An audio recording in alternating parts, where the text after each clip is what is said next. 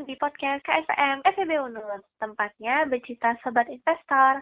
Hai hai sobat cuan, apa kabar? Semoga tetap sehat dan semangat menjalani hari-hari ya. Gak kerasa nih, sebentar lagi bulan Desember. Eh, tinggal menghitung hari aja, kita akan masuk ke tahun baru. Can wait for it ya nggak, Fik? Yoi dong, aku udah excited banget nih untuk menutup tahun ini.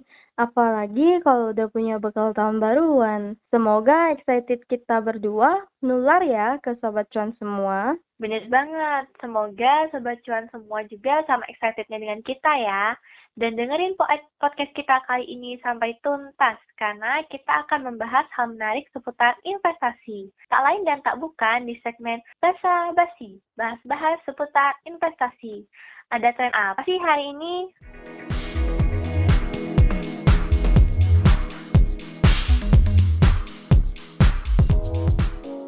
Nggak afdol dong ya kita kalau bincang-bincang tapi belum kenalan. Kenalan dulu yuk. Kenalin, aku Vicky dan aku ditemenin sama siapa yo? Ditemenin sama aku dong, sobat cuan semua bisa panggil aku Dewi dan kita berdua yang akan menemani malam minggu kalian. Ngomongin perekonomian nih, Fik. Sekarang perekonomian dunia masih dipenuhi dengan ketidakpastian. Apalagi akhir-akhir ini terjadi kenaikan inflasi, peningkatan suku bunga, bahkan krisis energi. Hmm, menurut kamu, kondisi perekonomian global ini berpengaruh nggak sih ke Indonesia, Fik? Hmm, dengan semua ketidakpastian perekonomian global, apalagi dengar-dengar juga bakalan resesi ya tahun depan. Pasti sedikit kurangnya Indonesia akan terkena dampaknya sih, Wi. Tapi untungnya perekonomian domestik Indonesia secara umum masih menunjukkan ketahanan dengan ditopang peningkatan permintaan domestik, investasi yang terjaga, dan kinerja ekspor yang positif. Well, nggak bisa dipungkiri juga ya, Fik, kalau Indonesia, khususnya di akhir tahun ini alias kuartal keempat, harus menghadapi beberapa risiko ekonomi, seperti melambungnya inflasi, pengetatan suku bunga, hingga melemahnya nilai tukar rupiah. Nah, nggak cuma itu aja, Wi. Pasar modal juga kena dampaknya nih. Sobat cuan semua tahu nggak sih ada istilah window dressing? Jadi window dressing itu artinya pada Q4 atau kuartal keempat saat mau tutup tahun, beberapa emiten yang tadinya memiliki performance yang kurang bagus akan mencoba untuk close the year dengan performa yang baik. Hmm, emang bisa ya, Fik? sebuah emiten atau perusahaan memperbaiki kinerjanya saat akhir periode. Gimana tuh caranya sebuah emiten bisa memperbaiki performanya yang dari awalnya kurang baik menjadi baik? Bisa dong, Wi. Window dressing ini dilakukan suatu perusahaan dengan melebih-lebihkan laporan keuangannya. Nah, metode ini seperti yang aku bilang tadi, itu dilakukan ketika suatu perusahaan memiliki performa yang kurang baik atau perusahaan yang mengetahui laporan kinerja mereka yang akan memburuk pada akhir tahun akan melakukan skema window dressing. By the way, Vic, katanya perusahaan yang melakukan window dressing ini istilahnya melakukan bongkar pasang muatan. Gimana sih maksudnya, Vic? Hmm, jujur li agak aneh sih ya namanya. Tapi istilah ini mewakili banget sih, Wi. Jadi, kenapa diistilahkan dengan bongkar pasang muatan? Karena untuk menutupi manipulasi data atau aktivitas di mana perusahaan menjual saham sebelumnya dan menggantikannya dengan saham yang memberikan imbal hasil besar pada jangka pendek. Langkah ini dilakukan perusahaan sebagai upaya memperbaiki laporan kinerja perusahaannya. Oh, itu toh maksudnya bongkar pasang muatan. Terus, Fik, kalau kayak gitu berarti merugikan investor dong. Soalnya perusahaan kan memanipulasi laporan keuangannya tuh. Hmm, jadi gini, Wi. Biasanya kan laporan kinerja atau portofolio itu dipakai investor untuk menentukan langkah selanjutnya dalam kegiatan pembiayaan. Tapi, window dressing ini justru membuat keputusan investor nggak akan seakurat jika dibandingkan dengan laporan kinerja aslinya. Apalagi ya, Wi, strategi ini e, membuat beberapa nilai saham naik dan ini nih yang bikin investor terjebak dan membeli saham dalam jumlah yang besar. Wah, kalau kayak gitu, kita nih sebagai investor harus hati-hati ya, biar nggak kejebak skema window dressing ini. Sebagai investor, kira-kira kita harus bersikap seperti apa terhadap window dressing ini, Fik?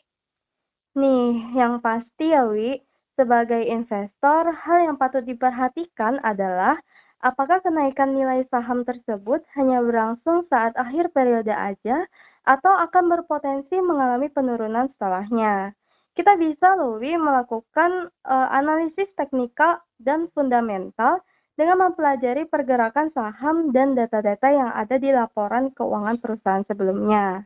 Terus satu hal lagi nih, Wi, kita juga harus memastikan apakah pengeluaran pajak perusahaan sesuai dengan PPh yang berlaku dan kalau enggak, kemungkinan tuh laba pada laporan keuangan enggak mencerminkan nilai sesungguhnya.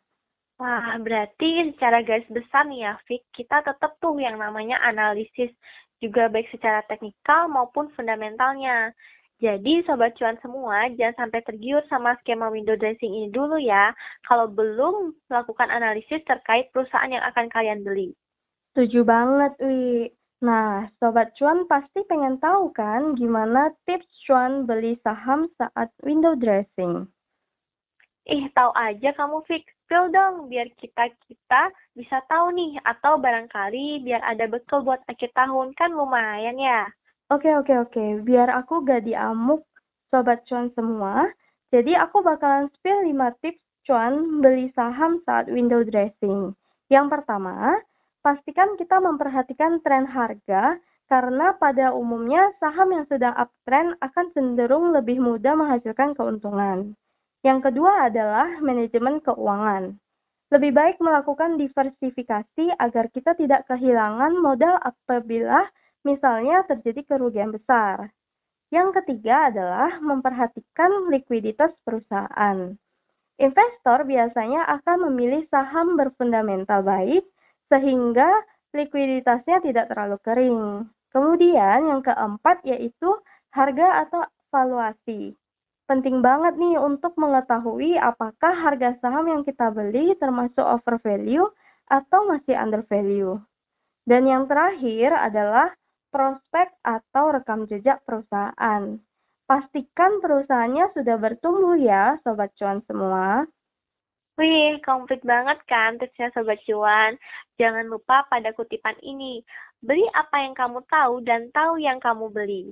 Kutipan ini bisa kalian jadikan pegangan nantinya ketika akan membeli saham ketika terjadi skema window dressing ya kawan-kawan. Mantep Wih kutipannya. By the way, setelah kita membahas skema window dressing ini, Menurut kalian, apakah di akhir tahun 2022 ini akan ada window dressing di tengah ketidakpastian ekonomi ini? Kalau kamu gimana, Wi? Hmm, gimana ya? Kalau kita melihat dari segi ekonomi global dan ekonomi Indonesia saat ini, sepertinya akan ada deh window dressing ini, Vic. Well, kalau soal kepastian aku nggak bisa bilang pasti sih.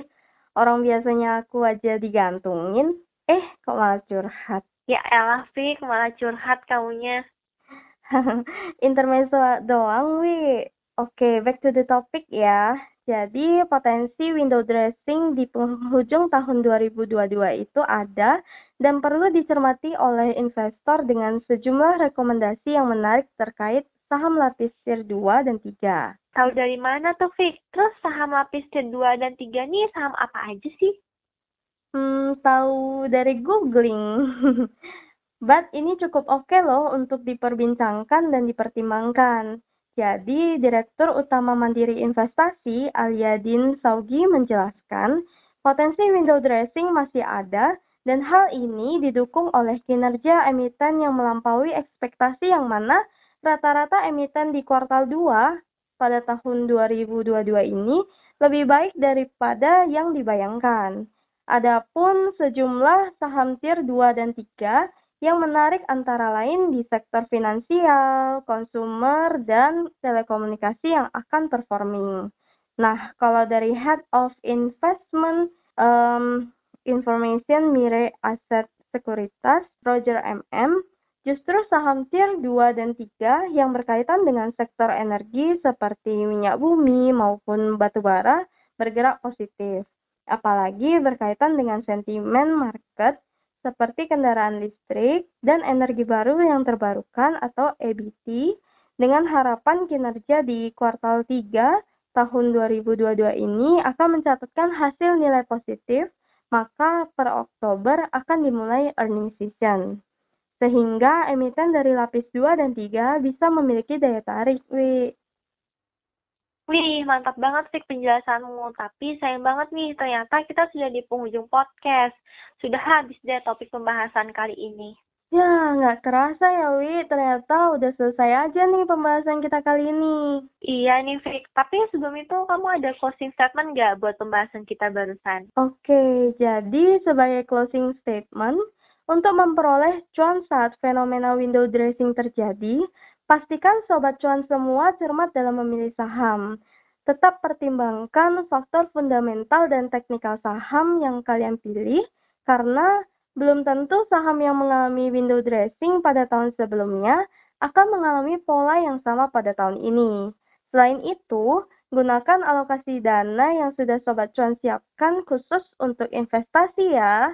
Jangan sampai menggunakan dana liburan akhir tahun kalian ya. Takutnya nih ya, bukannya happy malah boncos di akhir tahun. So, jangan lupa untuk diresapi diskusi kita kali ini ya. Hopefully membantu. Yes, dan jangan lupa untuk terus pantengin podcast KSPM FEB Unut. Oh ya, aku mau infoin kalau Sobat Cuan juga bisa request materi podcast di episode berikutnya loh. Bisa langsung DM aja kita di Instagram atau chat melalui official line yang tertera di bio IG KSPM FEB Unut. Bakal kita bahas sampai tuntas deh pokoknya. Dan bagi Sobat Cuan yang masih bingung nih buka rekening efek di mana, Jangan khawatir ya guys, kalian bisa langsung datang aja ke Galeri Investasi KSPM FEB Unut di kampus Sudirman setiap hari Jumat atau kalian juga bisa tanya-tanya dulu ke admin di Instagram at KSPM FEB Unut. So, kita sangat menunggu kehadiran kalian sang milenial investor baru. Sampai jumpa di episode berikutnya. Salam cuan!